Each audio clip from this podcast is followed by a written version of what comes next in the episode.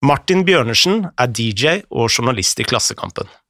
Nylig har han også laget en reportasje om Stockholms gjengproblematikk og drapet på den unge rapperen Einar.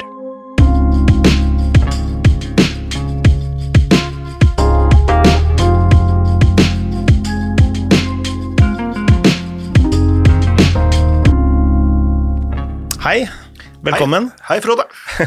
Du må sitte litt inntil mikrofonen. Alt vel, eller? Alt er bra, ja. Det er lenge siden. Det er det, altså. Det er, hvor lenge siden er det egentlig? Jeg tror det er, er, er et par år. Jeg husker jeg traff deg opp på fotballbanen på Grorud, tror jeg, for et par år siden. Ja, stemmer det. Ja. og du var ved produsenten til eh, Kenneth eh, Engebretsen. Ja, jeg og kompis uh, Bjørnar Krog, også kjent som DJ Taus. Ja. For det har jo blitt eh, låta som eh, Grorud eh, går ut på banen med. Det har det, vet du. Det, jeg bor jo rett ved banen der. Jeg hørte det en sånn søndag sånn uh, rundt uh, kampstart, så plutselig hørte jeg liksom noen lyd utenfor. Bare, bare, det der høres jævlig kjent ut, så går jeg ut på verandaen, så det er faen meg den. Ja, Groruddalen Remix, som var liksom en Vi gjorde en ny versjon av en Groruddalen-låta til Kenneth, som jo egentlig var den uh, Egentlig den første låta Kenneth gjorde seg litt sånn bemerka med, da, som var på en, opprinnelig på en mixtape han gjorde sammen med en DJ eller produsent som het Navnløs. Uh, grunnen til at vi måtte gjøre den på nytt, var fordi at uh, det var en mixtape, ikke sant, så han brukte beats fra, som var utgitt tidligere, og det der var vel over en MOP-beat, hvis jeg ikke husker helt feil, opprinnelig. Så vi, vi jobba egentlig en god del med liksom, å finne riktig ja, eh, få noe som på en måte Hva skal vi si Ivaretok liksom den lokale anthem-statusen som jeg faktisk mener at den låta hadde Ja, for det er jo en anthem.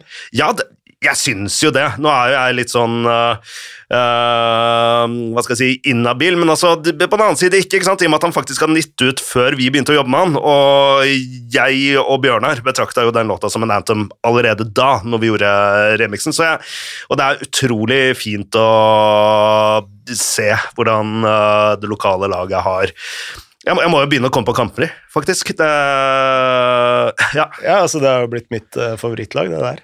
ja, det, altså jeg har jo sett litt av den der TV-serien også. Det var vel de som brukte låta først, da, i, Mm, liksom, riktig. eh, så, så det, er, det er derfra de har plukka den opp. Men jeg synes det er Nå er jeg, jeg er veldig lite fotballmann, men jeg, altså jeg er musikkmann, liksom. Uh, og jeg syns jo det der fenomenet med fotballåter er litt uh, spennende. Og mine favorittfotballåter, da er alltid de låtene som ikke er skrevet som fotballåter, men som blir på en måte plukket opp organisk av fansen. Altså, et eksempel det, er, altså, det, beste eksempelet, etter min mening, er jo da uh, Hammarby, eller Bayern, sin uh, låt uh, Just i dag er du sterk. Jepp, av Kenta, da, det, det svenske Man kan si det motkulturelle ikonet Kenta, da, som var en av rollefigurene i uh, Mods-trilogien, en serie banebrytende dokumentarfilmer da, om liksom eh, outsidere, rusmisbrukere, eller hva man skal kalle det. da, i... uh, uh, ja, Kenta var en av uh,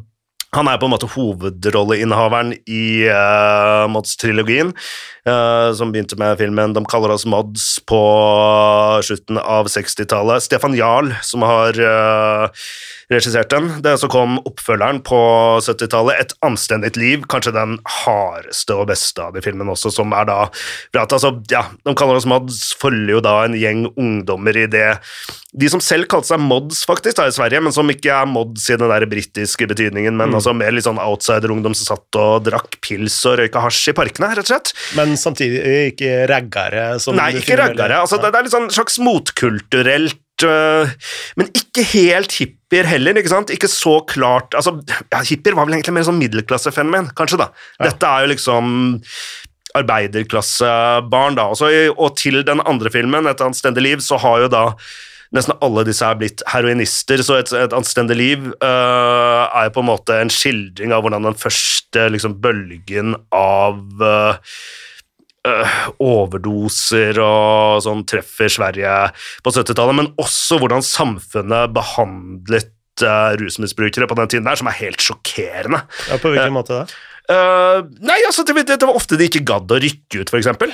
Når de uh, Altså, de ble bare sett på som uh, Altså, det, selv i dag så snakker man jo om hvordan man liksom ser på Eller særlig i dag, egentlig. Hvordan man ser på rusmisbrukere den Men altså, på den tiden, hvordan man så altså slik det blir skildret i den filmen der altså det det ble omtrent ikke Det ble jo ikke sett på som mennesker engang. ikke sant? Altså, man har jo gått fra da det standpunktet, og da delvis via den filmen der, faktisk, da, som ble en stor suksess på kinoer og alt det der, og som ble brukt i undervisning på skoler både i Norge og Sverige, mm. til en slags uh, større fokus på hjelpeapparat, tross alt, da. Mm. Uh, uh, som kanskje gikk litt for langt til, hva skal vi si umyndiggjøring og liksom offer uh, til i dag, altså Ja, uh, hvor man ser på Ja.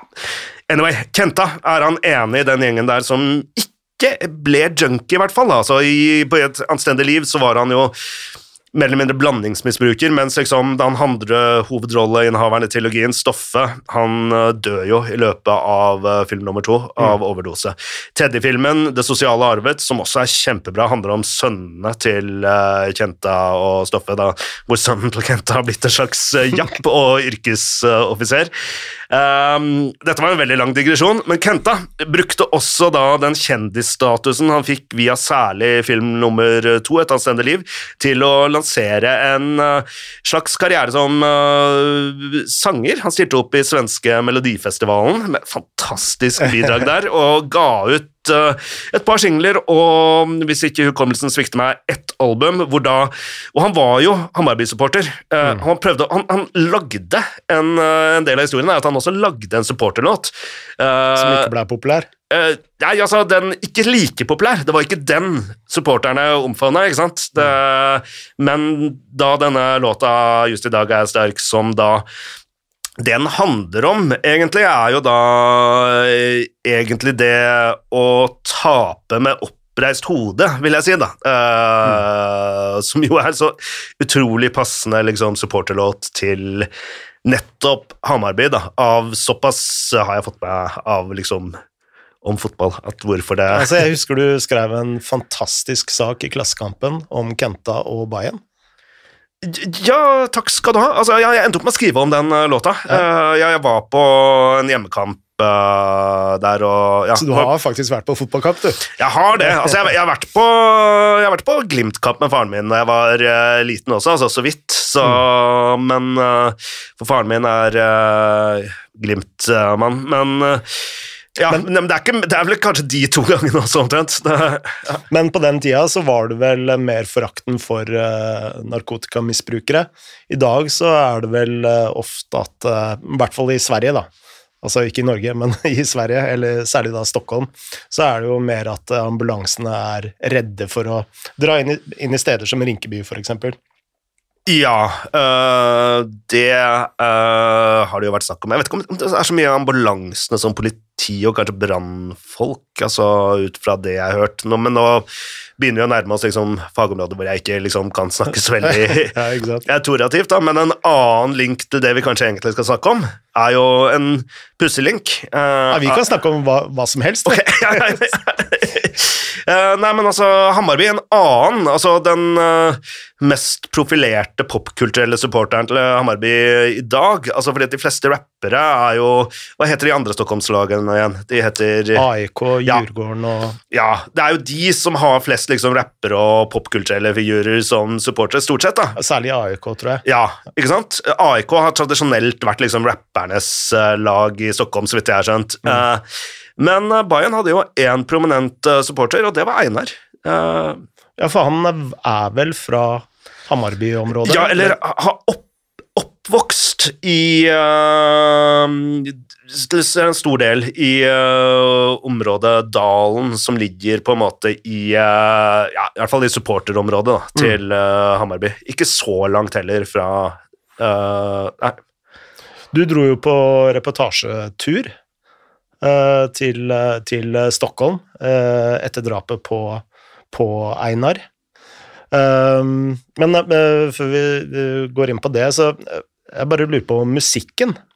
Altså Det som eh, slår meg når jeg hører på svensk hiphop, det er altså hvor annerledes den er av, av norsk eh, hiphop. Altså det virker jo Altså Hvis du går eh, 20 år tilbake, så hadde eh, Nå må du arrestere meg, men eh, altså første svenske hiphopen jeg hørte, det var jo Latin Kings. Og det var jo, selv om tekstene var eh, eh, til tider mørke, så var musikken lystig. Mens i Norge, med Bolt Warhead og, og Tommy T, så var det mye Altså, det var mye hardere. Men likevel så eh, Jeg føler samfunnsutviklingen eh, speiler ikke de to samfunnene eh, på samme måte da, i musikken. Ja, altså hva, Hvor skal jeg begynne å ta den uh, Latin Kings var jo på en måte de første som slo gjennom med rap på svensk, kan du si. Det var jo eh, andre rappere, ikke minst ADL og den gjengen der, og Infinite Mass, som jo også har en eh, historie som er knytta sammen med Latin Kings sin historie. De delte jo blant annet et medlem og litt eh, sånne ting der. Eh, men ja, kan si det musikalske der Jeg vet ikke om jeg er helt enig i at Latin Kings musikk var så lystig, med unntak av én låt, da, som var jo den gjennombruddslåta 'Snubben trodde han var cool'. Men det er en slags sånn sarkastisk lystighet, da, fordi de bruker jo det der samplet fra Emil i Lønneberget som øh, på en måte var et slags forsøk på å ta inn noe ikonisk svensk og ta det til førorten, eller hva man skulle si, samtidig som det er, Snubben er jo på helt klart en sarkastisk låt. Altså, det er jo en låt som, som vi ble minnet på i den uh, SVT-serien om svensk hiphops historie, så handler jo teksten faktisk om uh, Lasermannen eh, det- Ikke sant? ja. Eh, det, er, det er han som er snubben. Uh, altså, snubben trodde han var cool før han hadde en pistol.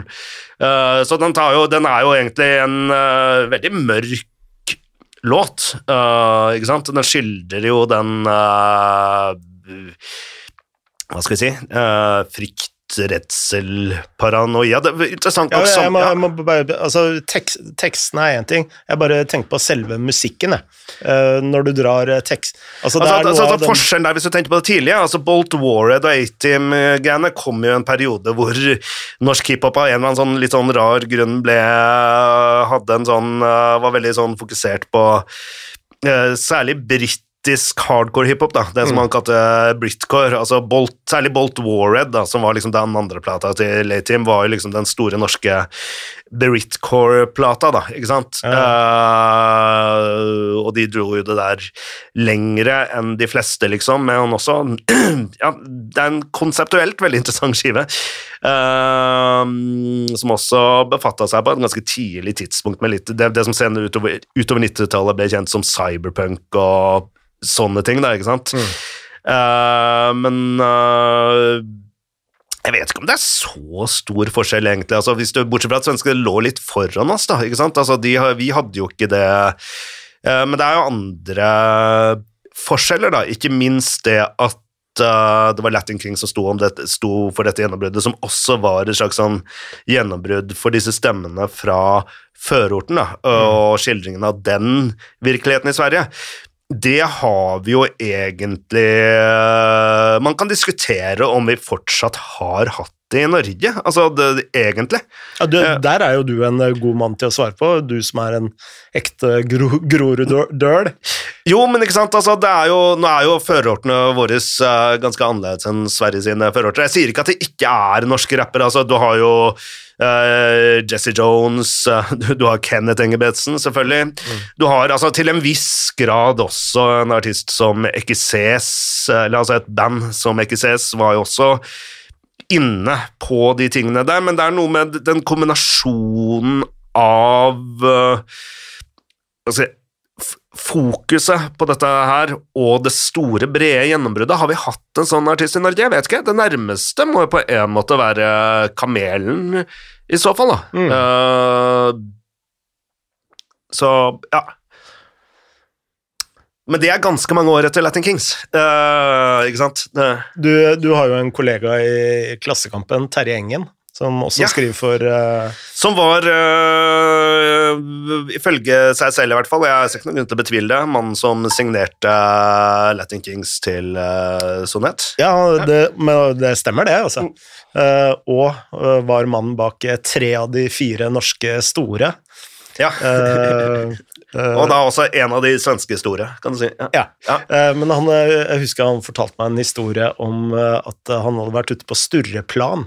Ja, han har skrevet om dette her i uh, musikkmagasinet også. Ja, etter oppfordring fra meg, faktisk. Aha, ja. Eh, fordi du, eh, jeg, har jo nevnt det litt for deg, men jeg, var jo konsulent på boka til din sjef Olav Østrem. ja, tidligere sjef, da, men Tidligere, ja, nå er det Eirik Flegberg. Men ja, ja. Eh, og han eh, skrev jo biografien til eh, Kjetil Rekdal, eh, og så lurte han på tips til skribenter når han skulle starte opp eh, Musikkmagasinet, og da foreslo jeg deg og, og Terje Engen. Og da, første saken jeg pitcha inn til Olav, det var jo saken om eh, Latin Kings, da. Ja, ja, ja, ja, ja. Og nå må vi jo fortelle historien om Latin Kings, men uh, Terje var da ute på Stureplan med Latin Kings. Uh, og så uh, Nå er det veldig mange, mange år siden jeg har hørt historien, men uansett så kommer politiet og arresterer Latin Kings. Og Dogge, Doggelito, eh, havner på panseret til, til eh, politiet, og han roper ut Hva faen var ni når Olof Palme ble skutt? Har du noe å tilføye? Nei, det er jo on point. uh, det, er, det er veldig on point, det han sa der. Eh, men eh, tilbake til Groruddalen. altså, han Eh, kunne også spurt hvor de var når Lasemann ja, ville vært like on point, for øvrig. Ja, jeg kjenner ikke like godt til den uh, saken her. Jeg kan anbefale den SVT-dramaserien, faktisk, av Nå er jeg for det første generelt lite glad i true crime, særlig de siste årene, med den liksom overskuddet av det. Jeg synes det er noe Litt for mye? Det er litt for mye, og det er mye av det som er jævlig smakløst, syns jeg. Eh, og jeg er heller ikke noe glad i sånn såkalte biopics, altså sånne skildringer av ekte mennesker, men eh, alt det, de forbeholdene. Svenske dramaserien om uh, Lasermannen som kom tidlig 00-tall, så vidt jeg husker, med han derre David Denchik i uh, rollen som uh, Lasermannen er fantastisk bra TV-serie som også setter hele den derre samfunnsmessige uh, konteksten med liksom framveksten av det derre svenske populistiske partiet, Ny Demokrati og alt det der, altså, men også viser hvor ineffektiv eh, politiets eh, etterforskning av den saken eh, egentlig var. Det er en Ja, jeg har den på DVD, faktisk, uh, sjøl. Men jeg vet ikke om den er Du må kanskje finne en sånn herre Hva Det går, sånn- det går an å, å laste ned SVT-appen Ja, og se fra Norge. Ja, men gjør det. Det er, det er en sinnssykt bra serie. Det Ja, er for de som er hypp på å liksom refreshe Lasermann-kunnskapen litt. Uh, men tilbake til Einar. Uh, altså, jeg, må ærlig innrømme at jeg verken hadde hørt om Einar eller musikken hans uh, før han ble skutt. Så lite følger jeg med på, på hiphop for tiden. Men har ikke du tenåringsbarn? Har tenåringsbarn, og ingen av dem eh, Altså, min uh, nest eldste datter har jo gått mer inn på punk, oh, ja, så jeg har gått helt uh, andre veien. Uh, så det er jo ingen av barna mine som liksom har gått den musikalske veien heller. Eh, men eh, jeg, eh, plutselig kom jeg over et intervju med moren, som da er skuespiller og en ganske kjent person i, i Sverige, med sønnen sin, og det, det intervjuet der, det traff meg skikkelig i hjertet. Uh, og uh, etter det så har jeg bare uh, sittet og lest om disse gjengene i, i, i Sverige, og liksom nesten fordypt meg i, i musikken, da. Ja. Øh, og når du dro til, øh, til Stockholm uh, og leste din sak, så, så tenkte jeg fader, jeg må få Martin i, i studio for å fortelle om dette her. Eh, Men eh, når du dro til eh, Stockholm, hva var det du forsøkte å finne ut av? Nei, altså Jeg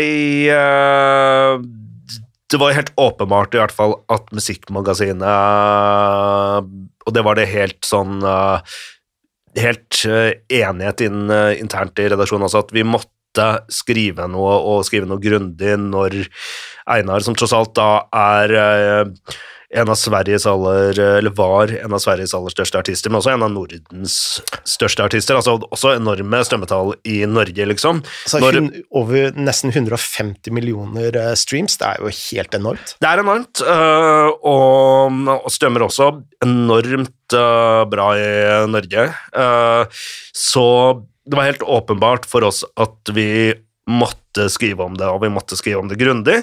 Øh, og her er det også liksom der jeg må skyte inn at jeg også øh, Altså, jeg kjente jo til Einar, jeg har skrevet om han før han døde også, men ikke så veldig mye. Altså, jeg er jo også 46 år uh, gammel, liksom. Altså, det er en helt annen generasjon enn meg. Altså, det er ikke noe som øh, Hva skal jeg si Rappmusikken utvikler seg også, liksom. Altså, det er ikke noe sånn Det er ikke noe som helt sånn naturlig er min musikk, må jeg bare innrømme. Altså både musikalsk og innholdsmessig, og jeg følte meg på litt uh, gyngende grunn de gangene jeg har skrevet om det også, så jeg visste at jeg måtte eh, Jeg følte at det var nødvendig å dra til Stockholm for å snakke med litt folk som hadde ja, enten via personlige forbindelser eller profesjonelle forbindelser, eller begge,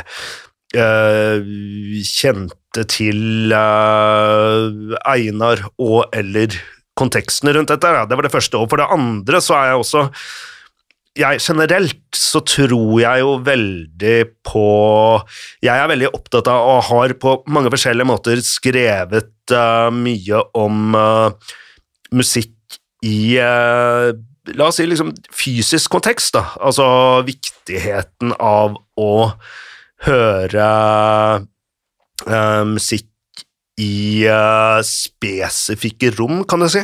Alt fra liksom det akustiske, faktisk, da. Hvordan det kan påvirke hvordan du Uh, oppfatter lyd, men også det Jeg tenker at det er eh, de glidende overgangene til liksom rent samfunnsmessige. Altså, det er liksom visse ting du uh, La oss ja, ta et, annet, et helt annet eksempel fra en helt annen uh, musikalsk sted. Har du, har du hørt om Moondog? Mm. eh, som var da uh, gate En blind gatemusiker, men også uh, en slags sånn uh, hva skal man si, hardcore neoklassisistisk komponist, egentlig ut fra noen sånn tvilsomme semifascistiske ideer om liksom en forkasting av moderniteten og alt det men vi kan, det blir en digresjon, men han var tilbrakte liksom vesentlige deler av livet sitt på, som gatemusiker i New York, og pleiet også forbindelser med både liksom kjente jazzmusikere som Charlie Parker og Charlie Mingus, men også uh, de, de såkalte minimalistene, da, altså Steve Reich og Philip Glass. Uh, han bodde hjemme hos Philip Glass i en periode, blant annet. Uh, um, uansett um, Moondog spilte jo tilbrakte sentrale deler av livet sitt på ett gatehjørne i New York. Og jeg brukte anledningen når jeg var i New York i en annen ja, for å gjøre en annen reportasje for en del år siden, en åtte års tid siden, var det vel, så hvor jeg hadde plutselig en sånn ettermiddag til overs uh, før jeg skulle dra hjem, hvor jeg fant ut faen, jeg må finne det gatehjørnet der, sette meg ned der og uh, Ja, jeg gjorde det, satte meg ned der, og selv om det gatehjørnet er helt annerledes i dag, da, så, er fortsatt noe av arkitekturen uh, den samme, faktisk. Altså gamle, klassiske New York-skyskrapere. Og sitte og høre på jeg, jeg satt der i to timer, tror jeg, liksom, og hørte på musikken hans i hodetelefoner, og uh, som var en åpenbaring, da, uh, å høre den musikken i akkurat de Altså, det, du, det, det er visse ting uh, Jeg tenker det er et eksempel da, på at det er visse ting altså, du ikke kan forstå hvis du Eller ikke at du ikke kan forstå det, men liksom det er en den fysiske Det er en slags stemning eh, som uh... Ja, men Det kan være mer konkret enn dette her også. ikke sant? Altså, la oss si altså, bare alle de Uh, det, det Noe av Moondogs musikk var jo også vokal med tekst. Det er blant annet en plate som ga ut med sånne kanoner, uh, som ble framført av han og hans datter. Uh, og bare de Et gjentagende bilde der, for eksempel, er liksom de trærne som står stolt i vinden. altså, som du skjønner mye mer av når du liksom sitter og hører på musikken hans på det hjørnet der og ser opp i liksom New York uh, altså med disse skyskaperne rundt der. Skjønner du hva jeg mener? Altså, det, er, det, er, det, er, visse bilder da, som gir mer mening hvis du er på stedet hvor du Og det, det samme er jo i høyeste grad relevant for rappmusikk. Mye rappmusikk er jo egentlig uh, laget spesifikt for at det er biter av informasjonen som er kryptert, da, som mm. kun skal forstås av de som skal forstå, da, ikke sant? Ja. Uh, jeg satt og hørte Altså, jeg var et, uh, et eksempel er liksom jeg var og hadde en slags sånn blanding av foredrag eller en samtale for en uh, videregående klasse om liksom norsk hiphop-historie for noen måneder siden, uh, via en bekjent av meg som er musikklærer da, på en uh, VGS her i Oslo. Mm. en av de låtene vi spilte, var jo da en låt jeg ikke har hørt på mange år, men flashbacks med uh, Warlocks. Og det som slo meg når jeg hørte den der og da, da, i der, var jo akkurat det er biter av den som jeg Jeg tror ikke engang jeg tenkte så veldig mye på det den gang, men det er sånn måten de for eksempel uh, Og det er sånn vi faktisk kan snakke om i dag, da. det kunne man ikke snakket åpent om for liksom 15-20 år siden, men måten de faktisk refererer til sine egne graffitinavn, uh, som er liksom uh, det, det, det, er liksom et par tekstlinjer i flashbacks som jo var en svær hit. Det var, en, var ikke topp ti-hit da, i, på VG-lista? Jeg tror det. det jo, jo, jo, jo. jo. Ja, ja. Um, gikk nok ikke nummer én, men jeg tror den var veldig veldig høyt oppe. Den var det, ikke sant? Den var nesten det... like høyt oppe som, som en Warlocks-låt jeg gitt ut. Ja, ikke sant?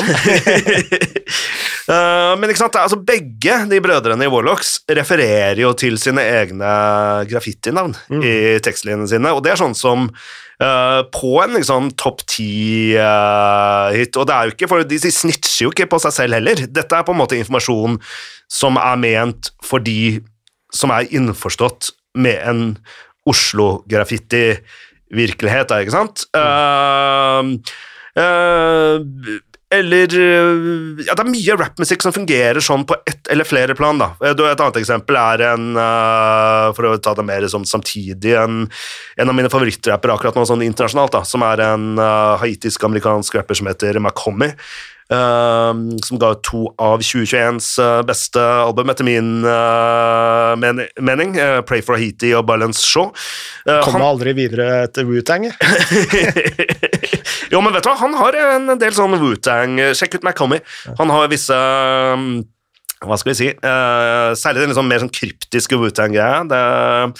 For det, er, det som er greia, er at McHommy er en uh, Han har fokusert mye på sin hva skal jeg si, kulturelle bakgrunn da, som haitisk-amerikaner. Det, det, er referanser til komplekse uh, politiske konflikter i Haiti, f.eks., men også at han plutselig har et vers på Haitis kreol midt oppi det. Altså, jeg husker jeg så, og Han er også en sånn fyr som gir få intervjuer, men et av de få intervjuene han har gjort, så så jeg han ble liksom konfrontert med det der altså Folk beskylder deg for å liksom uh, være veldig kryptisk, altså at det er masse ting som er vanskelig å forstå i musikken din. Uh, og jeg synes Svaret hans var interessant, som var noe i stil med vet det, det der kommer helt an på hvor det kommer fra. For mange av de folka som jeg omgir meg med, som er, liksom, har samme bakgrunn som meg, de vil ikke oppfatte dette her som kryptisk overhodet. De skjønner eksakt hva jeg snakker om. Og mye rappmusikk, da, dette er poenget, mm. er lagd akkurat på den måten der. Det er, det er ikke ment for å oppfattes av uh, Ja, dette er en veldig sånn lang uh, Det du spurte meg egentlig, var hvorfor jeg dro til uh, Stockholm for å skriver om Einar. Men det, det, har noe med det å gjøre også. Altså, det var ikke det, altså, det var ikke det at jeg liksom dro Jeg gikk jo ikke akkurat uh, Jeg dro ikke inn i det miljøet, men bare det å dra til dalen, mm. da. Som er der uh, Einar til en stor grad uh, vokste opp, da. Og også hvor mange av de tidlige videoene er spilt inn og alt det der. Da. Det, det er noe med Jeg mener faktisk at det er ting du øh, forstår bare å plassere deg på det stedet. Altså be, be, ved å liksom stå utenfor den Hva var den heter, den kioskkjeden i Sverige? Sånn tilsvarende Narvesen. Og Eh, eh, eh, tidnings... eh, Hva er det du, sk du skrev det om det i, i saken, for du står jo utenfor eh, en sånn tidningskiosk. Ja, øh, den øh, Hva heter Pressbyråen. Pressbyråen. ja. Ja, nå måtte jeg, tok jeg opp lighterne fra lomma som jeg kjøpte, en sånn liten suvenir fra Stockholm. Pressbyråen. Eh, Men uansett, ut, å stå utafor Pressbyråen i dalen eh, gir faktisk, mener jeg, da, et eh, Det er et annet eh, Du kan få mer mening ut av å lytte til uh, Einar ved å plassere deg der Mm. og se, se, se på menneskene Hvem, hvem vil du deg, si Einar var? ja, Det er jo en kompleks Det føler jeg egentlig, så er ikke jeg den eh, personen som kan si noe om det, ikke sant? Og, og det kan vel veldig få? Ja, Jeg jeg snakket med noen folk som kjente han i forbindelse med saken. De beskrev han som en På mange måter en litt sånn typisk uh, uh, Veldig energisk ung ikke sant? Altså Det siste albumet hans heter jo 'Unge med ekstra, ekstra energi'. Mm. Uh, og det er jo en ting som går igjen når du hører folk snakke om også. altså Bare sånn En ung fyr full av energi, men også full av musikalsk energi. Det er en fyr som elska å rappe, liksom. Uh, og det ser man jo også, selv som liksom helt sånn utenforstående betrakt... Altså, du kan tenke, han, Einar slo jo først gjennom, eller han slo ikke, men han gikk først viralt når han var sånn ca. tolv år gammel. Det fins en video av ham hvor han sitter i en sofa og rapper da, som tolvåring, med masse folk han en tolvåring strengt tatt ikke burde sitte i en sofa. Så, men visstnok uh, for øvrig tatt opp uh, ifølge liksom en Jeg vet ikke om det er en urban legende eller ikke, men visstnok tatt opp i studio til Salazar-brødrene fra Latin Kings, Redline Studio, um, hvor han sitter og freestyler da, som uh, tolvåring, og du ser jo allerede da altså, at han er et uh, En ting er at han har talent, men også at han har en, altså den energien han har, som er ja, både en tolv år gammel unge med ekstra energi, men også bare du ser at det er et menneske som virkelig har en uh, sånn en sjelden lidenskap for det å rappe, da. Så det er jo én måte å svare på hvem Einar er, og det er jo også det folk Hvis du spør folk som hadde noe med han å gjøre, da, eh, og kjente han, så er det gjerne det de uh, fokuserer på. Mm. Um, en annen ting altså, er jo det hvem han var ellers. Altså, han var jo også en eh, prominent representant for en ny bølge svenske rappere, da, som på en måte skildrer Hva skal vi si altså Skyggesiden av det svenske samfunnet på en mer brutal, direkte måte enn tidligere. jeg vet ikke, altså Det, det folk kaller for gangsterrap. Jeg, jeg liker ikke så godt begrepet gangsterrap, og det er ikke så mange av disse rapperne som bruker det begrepet om seg selv heller.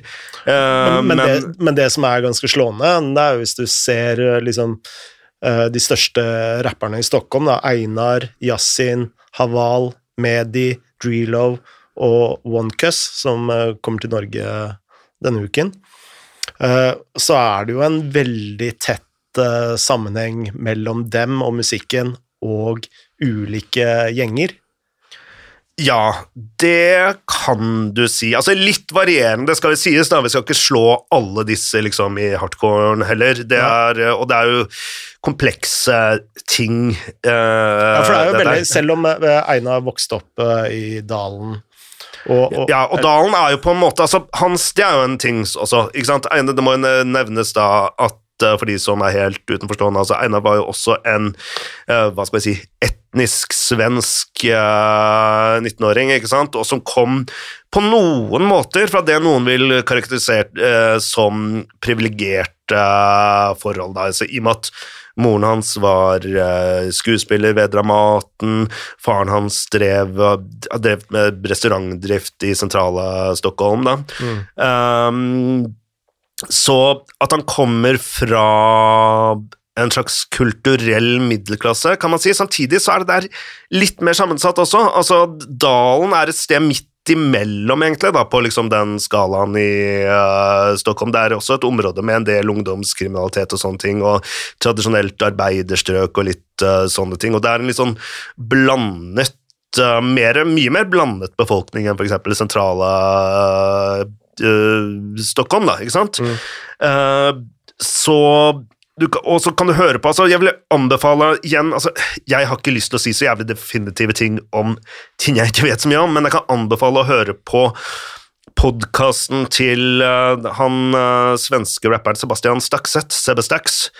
Uh, hans intervju med Einar, hvor Einar selv går i detalj om oppveksten sin, uh, syns jeg er utrolig bra, og selvfølgelig med de forbehold man tar med at det er liksom eh, en uh, såkalt liksom upålitelig forteller, mm. selvfølgelig. Men likevel, det, det, han forteller om sin egen oppvekst der, da, er jo Framstår som ganske ærlig, hvor han også er liksom helt åpen om liksom Hva skal vi si Den kulturelle middelklassebakgrunn, men også, han forteller også om en oppvokst som man kan si er preget av rus, uh, vold og omsorgssvikt, skal man kanskje si. Da. Altså, begge foreldrene har hatt uh, alvorlige rusproblemer i løpet av oppveksten, og ja øh, og Han ble vel tatt hånd om av barnevernet? Litt uh, senere, ja. Mm. Altså, så, så og, og utelagt For jeg ser enkelte liksom plasserer Einar som en liksom sånn slags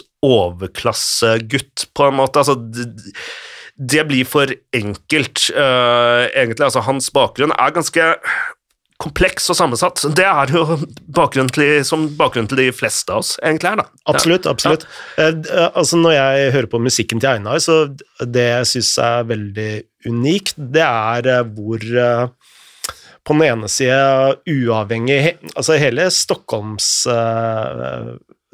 hiphopen er jo Uh, uavhengig. altså De gir ut mye av dette selv. Ja, denne bølgen av rappere den, de er jo på en måte, det er jo et av kjennetegnene at dette er på en måte rappere som har kommet opp ved siden av de, av de tradisjonelle kanalene, og det gjelder jo både da Det er en ting som kjennetegner de ved siden av denne såkalte liksom ja, uh, såkalte gangsterrap tematikken da, som de tar mm, opp, mm, mm. så er jo det som fremfor alt kjennetegner dem, at de har kommet opp uh, utenfor de vanlige kanalene, og da snakker vi både om tradisjonelle medier og plateselskapene. Da. Altså, de har kommet fram via liksom uh, via sosiale medier, egentlig. Via uh, de første låtene ble egentlig bare publisert på Instagram. Ja, ikke sant? I mange tilfeller. Uh, og så er det liksom YouTube-videoer, men som også har blitt spredt. Altså, YouTube er jo ikke engang Det er ikke hovedkanalen uh, uh, i det hele tatt, egentlig. Ikke sant? Det er jo Insta og Snapchat og ja, whatever. Ja. Men, men, det jeg skulle si, altså på ene siden veldig sånn indie, men på den andre sida så er, er musikken også veldig catchy. Veldig, veldig. melodiøs Uh, skulle nesten trodd Stargate hadde produsert uh, ja, og tingene. Mer og mer også, egentlig, kan du si, da, men det har vært der også fra starten. Altså, det, det er veldig Og der er nok Ein, Einar har nok vært en litt en foregangsmann, eller var nok litt en foregangsmann for akkurat den biten der, da, for han hadde jo så åpenbart et talent for catchy hooks, liksom, da, med mm. liksom, den gjennombruddslåta hans som kom da han var 16, var han ikke det? Altså Katten i trakten. Ja, altså, hvis du hører Det er jo en velkomponert Altså enkel, men veldig velkomponert uh, melodisk poplåt, egentlig, mm. basically. Mm. Så, og der har du jo en annen, liksom, uh, en sånn uh,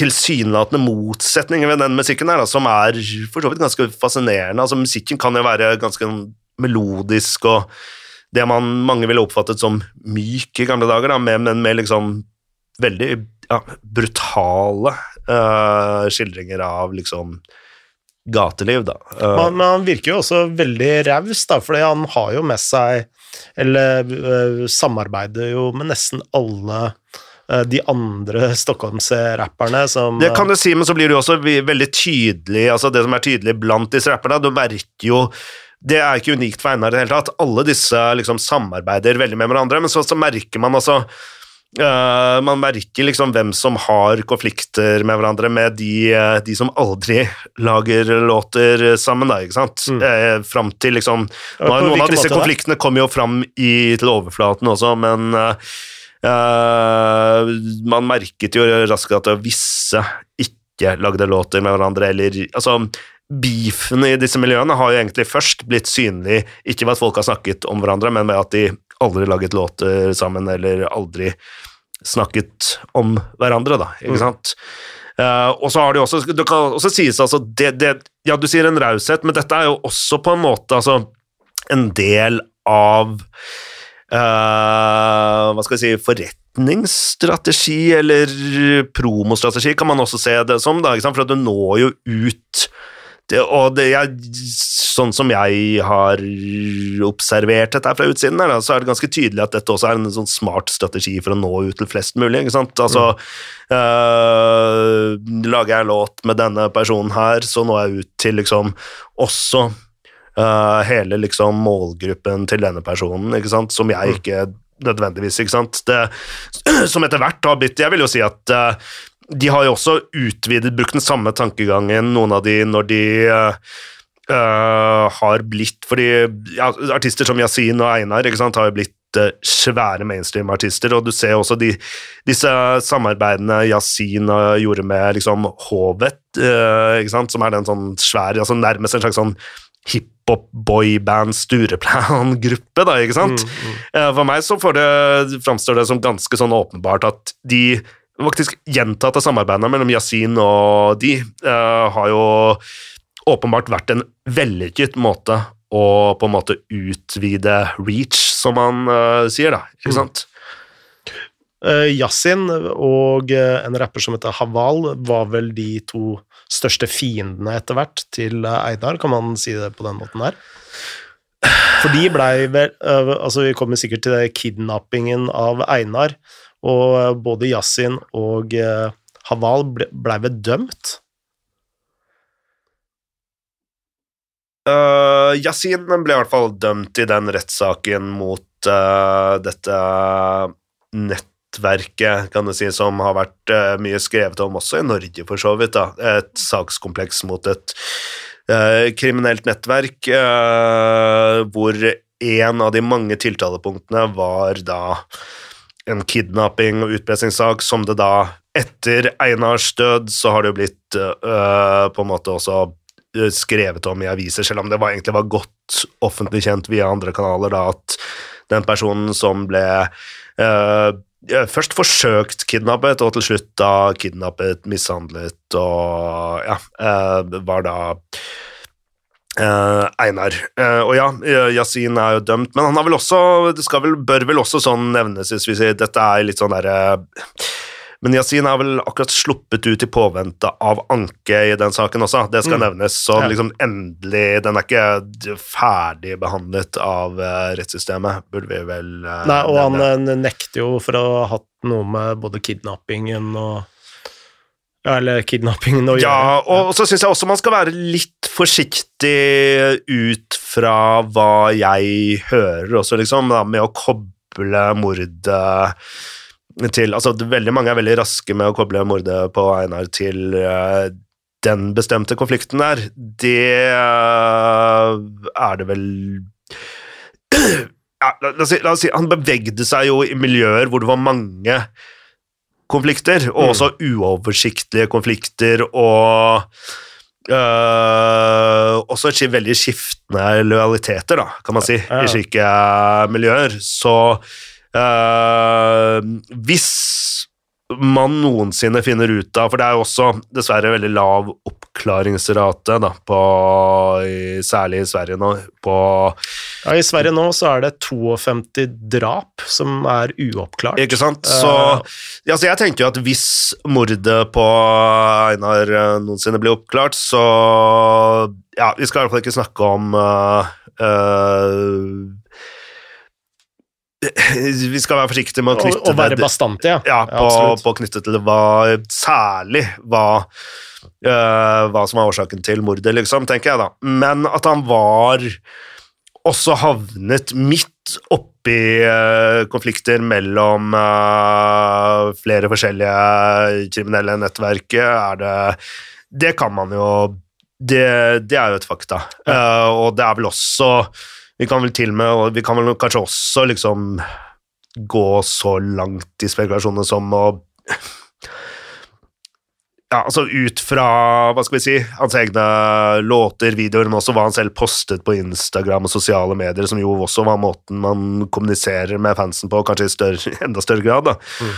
Så ser man jo også at han øh, kanskje søkte allianser andre steder i disse kriminelle ikke sant? Altså, for det er jo det, hvis du havner midt i sånne trønne situasjoner, så Min fiendes fiende er uh... ja, så må du inngå komplekse allianser og alt, og det er mye som kan skjære seg da, i, eh, når du skal. Det er, det er veldig vanskelig farvann å navigere i. Det er kanskje enda vanskeligere når det på en måte er veldig store penger involvert, som er tilfellet med Einar pga. Uh, musikkarrieren, faktisk. Det, Og det, og det er vanskelig for en uh, en uh, ung Ikke sant? Altså 19-åring, kanskje litt uforsiktig Ja, en ung med ekstra energi, da, som man selv omtalte seg som. Ja, for den der er du inne på noe. Det er utrolig komplekst, og det er utrolig mange uh, gjenger. Altså, du har uh, Jeg har bare prøvd å notere et par av dem. Altså, du har Dødspatruljen og Shotas fra Rinkeby, uh, som har hatt konflikt siden øh, 2015. Uh, du har Varby-nettverket, du har Dalen-nettverket, du har Husebys Hyenor, uh, og så har du uh, bikergjengene i tillegg, uh, Ja, de tradisjonelle Ja. ja. Uh, og Einar søkte jo litt sånn beskyttelse hos Bandidos, var vel en av de gjengene han og, og Husebys hyener og Dødspatruljen, så det, bare der så er det jo veldig komplekst. Ja, og der havner du jo midt oppi en drøss med andre pågående brutale konflikter, da, hvor særlig da denne konflikten mellom uh, disse grupperingene som blir kalt Shotas og Dødspatruljen, på en måte, det, Mm. det har jo vært en, en Selv i eh, denne typen kriminelle nettverk da, i Sverige, som jo generelt er veldig brutalt, så har den uh, konflikten der vært kanskje ekstra brutal, da, med mange drap, altså hvor mye tap av mennesker. Mennesker, ja. Så det er klart at når du eh, havner i situasjoner som på et eller annet eh, Og det kan man jo si, altså han, han havnet i på en måte I uh, skuddlinjen, da, Uh, i uh, noen pågående og veldig brutale konflikter Mm. innad i eh, kriminelle miljøer. Altså, øh, øh, gjengproblematikken er jo altså, veldig kompleks, men øh, Og man kunne gått øh, inn i veldig mange retninger for å diskutere akkurat det. om altså innvandring, fattigdom osv., osv. Men en ting som jeg tenker er veldig lite diskutert, det er jo musikkens rolle oppi alt dette her.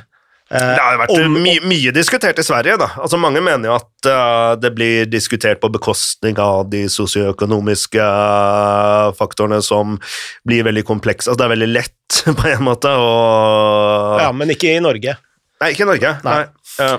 Uh, ja, og i Ekspressen blant annet, så mener jo skribenten Viktor Malm at journalister har en stor del av skylda for å, å Hva skal vi kalle det? Hylle gangsterrappere med ganske vanvittige rulleblad. Altså, du har uh, Medi, blant annet. Ja, nå vil jeg også si da at Uh,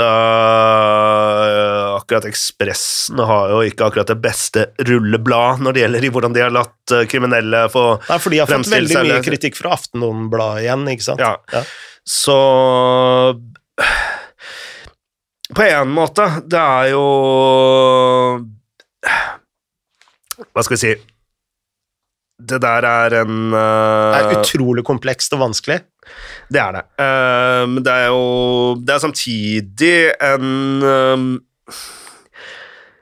Det er jo en fair diskusjon, det må sies. Det skjønner jo jeg også, altså som liksom uh, rap-entusiast siden jeg var uh, 12-13 år, liksom, og som alltid har forsvart uh, altså, Det blir feil å si at jeg alltid har forsvart men jeg har alltid forsvart uh, kunstformen, da. Uh, Og uh, jeg har alltid, sånn utover rap, alltid forsvart kunstnerisk ytringsfrihet generelt, liksom.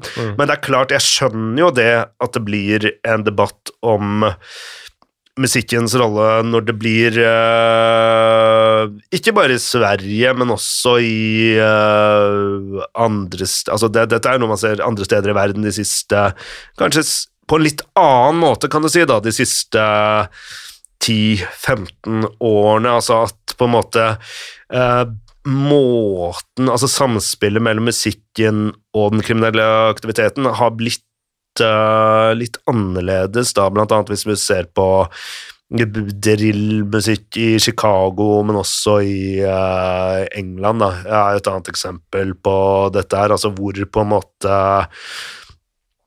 I hvert fall anklaget for å føre konflikter uh, gjennom uh, låter og musikkvideoer, ikke sant, og omtrent også da på en måte i noen tilfeller kanskje sette pris på hodet på folk, eller whatever, eller altså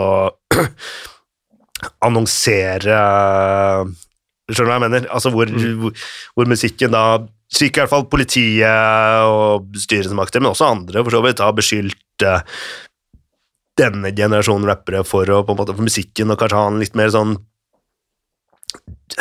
aktiv, drivende rolle i Men altså, dette er jo liksom ja, det er jo, Man blir alltid sittende og si dette er komplekst, da. Men, altså, men jeg, poenget det jeg vil fram til, er at jeg skjønner jo at det blir en sånn debatt når eh, ikke, sant? ikke bare at Einar, en av Sveriges aller største artister, eh, blir skutt og drept, men også en artist som Yasin, en annen av Sveriges aller største artister, eh, blir eh, arrestert og dømt i en såpass alvorlig liksom, gjengrelatert sak som han da ble dømt i, selv om den anke pågår nå, det skal sies, ikke sant? Altså, og dette gjelder jo flere av disse mest profilerte svenske artistene, for så vidt. Så jeg, jeg skjønner jo at debatten eh, dukker opp. Jeg skjønner at man ser på medienes rolle. Eh, det har jeg forståelse for. Um, og at man ser på, ikke sant. Men altså, den blir jo litt sånn Det man kritiserer man kritiserer på en måte Det man har kritisert i Sverige, er f.eks. at de øh, har blitt sluppet til ukritisk i liksom sånne kanaler som Svensk P3 og sånne ting. Det har det vært mye fokus til. ikke sant? Eller at liksom musikkjournalister har hyllet Men altså, hva skal jeg si? Altså, det er jo øh, ta, Hvis du ser Svensk P3s øh, rolle, da, deres oppgave, er jo faktisk å dekke den musikken som er interessant og relevant for svenske ungdommer. Og de har jo heller Disse rapperne selv mener jo at de har vært underdekt og ignorert av uh, blant annet P3 og resten av musikkmedia. Men kritikken går vel eh, Musikken går begge veier, da, ikke sant? Der. Uh, og de havner jo i en ganske sånn eh, vanskelig skvis, vet jeg. Jeg har jo også snakket med liksom eh, flere kilder i eh, sentrale svenske medier om dette her. Eh, men du, Og jeg vet også at liksom det internt altså Fra mine kilder så vet jeg at det, det, det er diskusjoner som absolutt har pågått også internt i svenske eh, medieredaksjoner før. Det er ikke sånn at man har hatt et bevisstløst forhold til dette her, akkurat. Um, Men, men øh, et intervju Ekspressen gjorde med øh, rapperen Medi Er det Medi man kaller han? Eller dumle altså, han, er Dumle, så, han, er, han er vel ikke så veldig relevant som rapper, egentlig. Altså, det, det, det er et av problemene. Altså, dette er jo en uh, gjengtilknytta ung fyr der, ikke sant? som også var på åstedet når uh, Einar ble skutt, men Og som også, Mange vil jo heller si at han på en måte brukte dette Ekspressen-intervjuet da om liksom realitetene på gateplan forsøksvis i gjengmiljøet, som jo var tematikken for intervjuet, at han også brukte det til å promotere sin rappkarriere. da, altså sånn uh, Kritikken mot det intervjuet har jo gått på at altså, pussig nok, altså, mens liksom Ekspressen på kommentatorsidene har liksom beskyldt media for å liksom ukritisk slippe til disse gangsterrapperne for å mm. ikke sant, Så har de jo gjort det samme ganger fem selv, da, når de liksom altså, Det blir noe som på en måte kan framstå nesten som en slags sånn langs I hvert fall hvis man kjøper det de selv skriver på kulturkommentatorplass, da, at, man, at kriminell kapital blir noe man bruker for å promotere musikkarriere, da, og la denne liksom Uh, medie eller dumle sitte der i et liksom, litt sånn skummelt belyst gang med liksom uh, skuddsikker vest på og, Ikke sant? Altså, uh, og kanskje da liksom lansere også Hvorfor stiller han opp på det? Det er, det er jo ganske tydelig for å liksom promotere, promotere seg selv. selv. Ja. og promotere seg selv som eh, rapper, kanskje, men også som gjengmedlem med voldskapital. Altså det, det, virker veldig hodeløst. Det, jeg jeg syns jo at nettopp Ekspressen uh, har stått for noen av de verste overtrampene der, da. Uh, mm. Ja, fordi litt av, eller mye av kritikken gikk på at han hadde en, en voldtektsdom fra 2014. Ja, det, eller det var jo bare en del av kritikken, men også, ja. også en berettiget kritikk, for så vidt. Altså, de, at de i sin omtale av han ikke trakk fram uh, i det hele tatt, egentlig, den uh, ganske fæle uh, dom Altså at han har domfelt en ganske stygg gjengvoldtektssak. Uh, mm. Men uh, en annen bit av dette her også er jo Det flere jeg snakket med, var opptatt av, da, var jo det at uh, Det er jo ikke nødvendigvis i seg selv noe helt nytt at rappere Verken det at rappere kan være tilknyttet kriminalitet, eller at de er i konflikt med hverandre, men tradisjonelt sett så har det vært ganske høy terskel for å skrive om dette med liksom uh, uh, å navngi de involverte, da, ikke sant? Mm. I kjølvannet av uh, særlig den da rettssaken mot Vårby-nettverket og Yasin og mordet på Einar, så har tvert om terskelen på kriminalsidene da, i svensk PC blitt veldig lav for å navngi rappere, vil jeg si. Mm. Det, dette var en ting jeg skrev om i den reportasjen også. på akkurat en uke jeg var der, så skrev de om en, øh, om en dom denne Draylo hadde da, for en egentlig, i essens, hvis du går inn og ser på saken, en ganske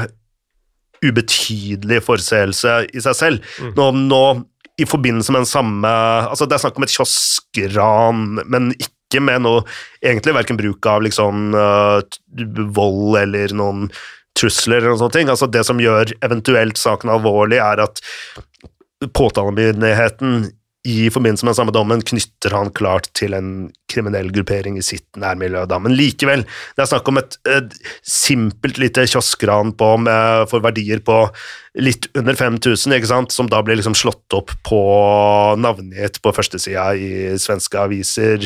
Um, og også da sånn typ fire måneder etter etter at dommen har falt. Det er helt klart da som en del av liksom en sånn pågående ja, mm. interesse, eller altså det, det, altså det, blir jo en klikkvinnersak da i kjølvannet av all den oppmerksomheten rundt den uh, fæle uh, gangsterrappen. Og ja, en ting som slår meg, er jo også, uten at nødvendigvis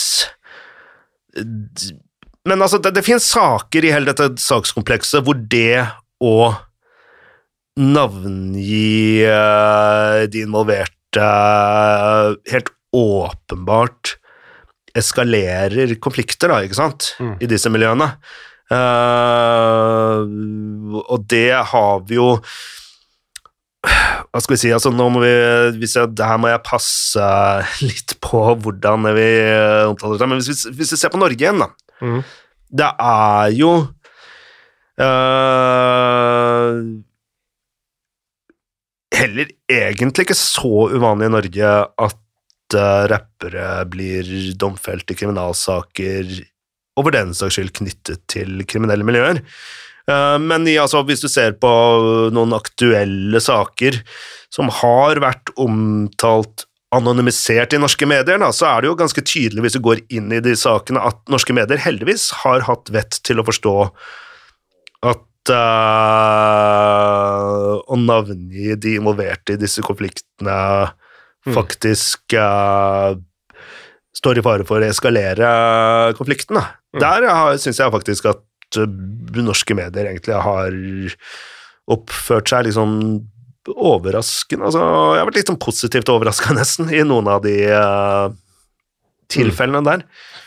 Det skal jo sies at det er jo lang vei fra Oslo til Stockholm med Absolutt. 306 skyteepisoder eh, på et år. Ikke sant, Det kriminelle miljøet i, uh, i Norge og Sverige er jo ganske forskjellig. Altså Selv om du ser jo du ser jo noen av de samme tendensene, da. Altså, det er jo en Dessverre Altså en brutalisering av konfliktene med en, liksom, som foregår med en yngre generasjon i de norske kriminelle, kriminelle miljøene også. Det, Mm. Så man har jo de samme tendensene, men det er på en helt annen skala, da. Hva er det som si. hindrer Norge til å liksom øh, Altså øh, Vi skal ikke bruke svenske tilstander som øh, tende, tendensiøst, men hva, hva, er, hva er det som Er det fordi eh, så vi er bedre på det sosiale?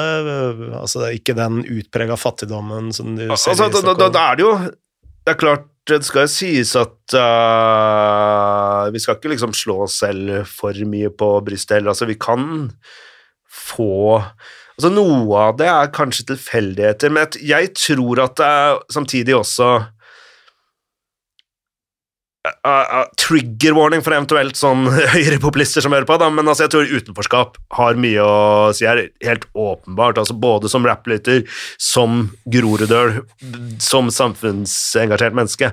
Så, det, så må man jo Det er ikke den eneste faktoren, nei, og det er komplekst. Einar er et godt eksempel på det, liksom, men, men utenforskapet er jo veldig stor grad med på å skape situasjoner, ikke minst på å liksom eskalere den altså, brutaliteten. Og i Sverige har du vel hatt en uh, en veldig uheldig kombinasjon av en masse faktorer. da, ikke sant? Nå er det utenom mine fagfelt, men hvis jeg skal liksom bare synse fritt, så er det alt fra liksom den eh, Vi må kanskje begynne med å gå tilbake på liksom den sosialdemokratiske boligbyggingen og ideer om utopisk arkitektur, rett og slett. Hvordan de bygde disse forstadene basert på egentlig ganske fascinerende og fine utopiske ideer om uh, sosial boligbygging, ikke sant?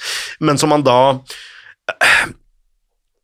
Så kommer et eh, 80-tall med høyrebølger og pågående, altså påfølgende krasj, ikke sant, hvor ressursene uh, mangler i disse Du har liksom Samtidig med økende innvandring?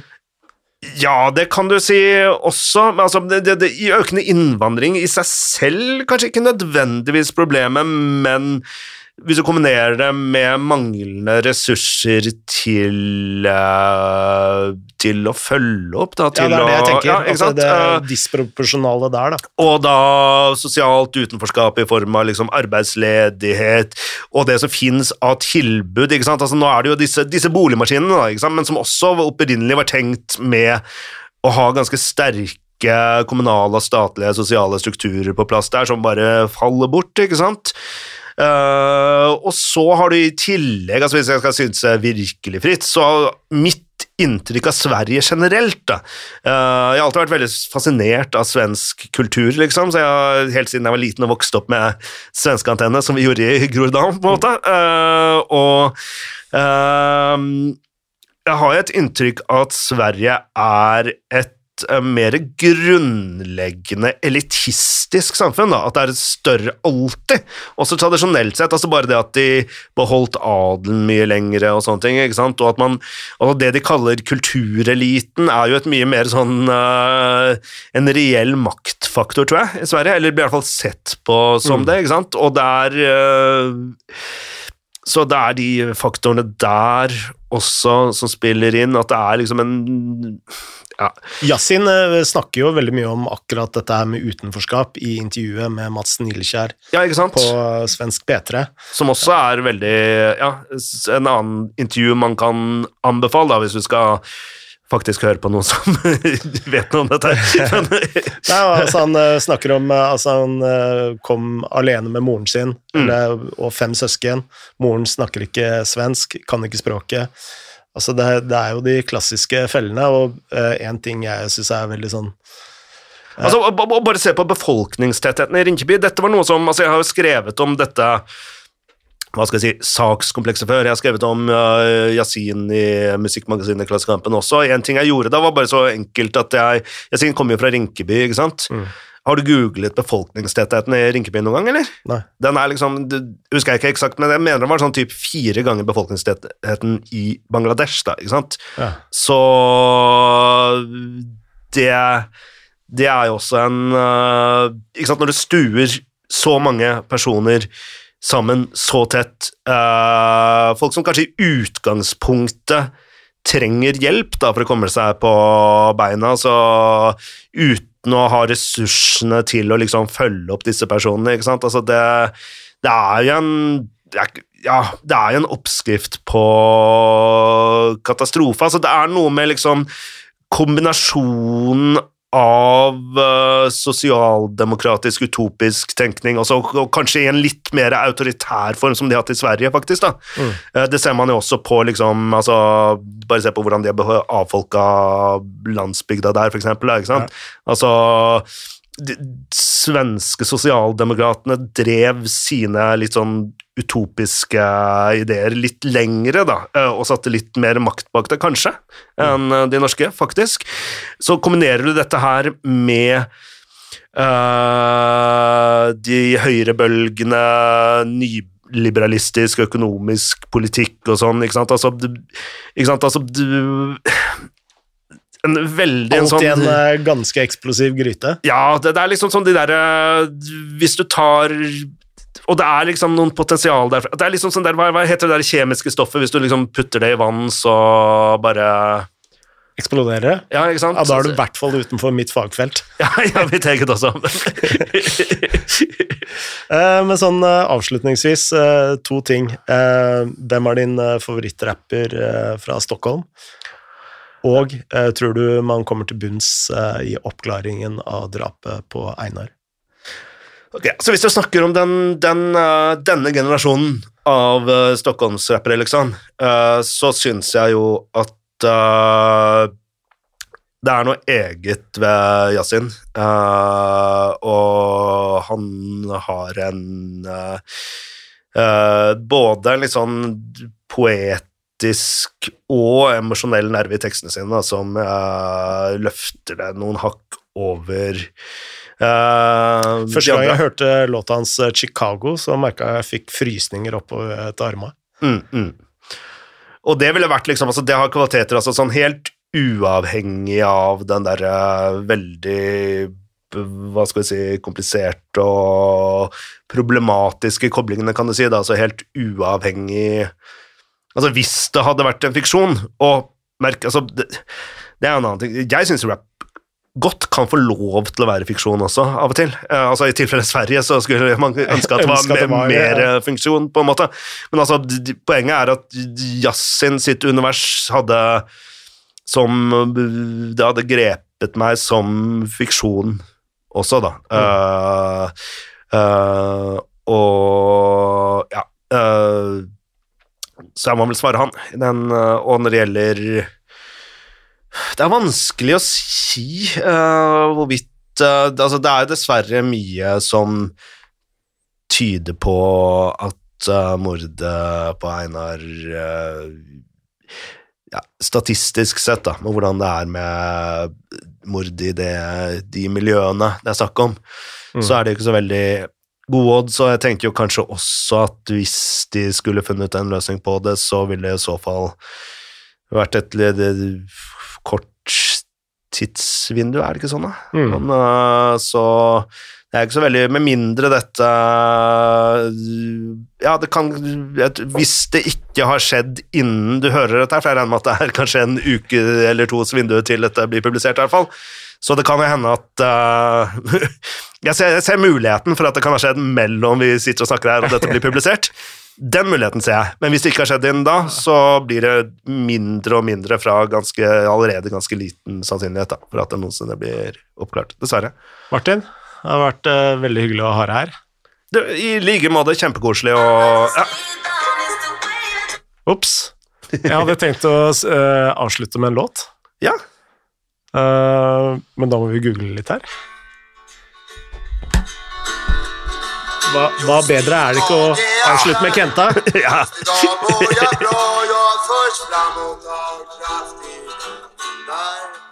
Just i dag bra, jeg sterk, just i dag mår jag bra. Jeg har tro på mig själv på min sida.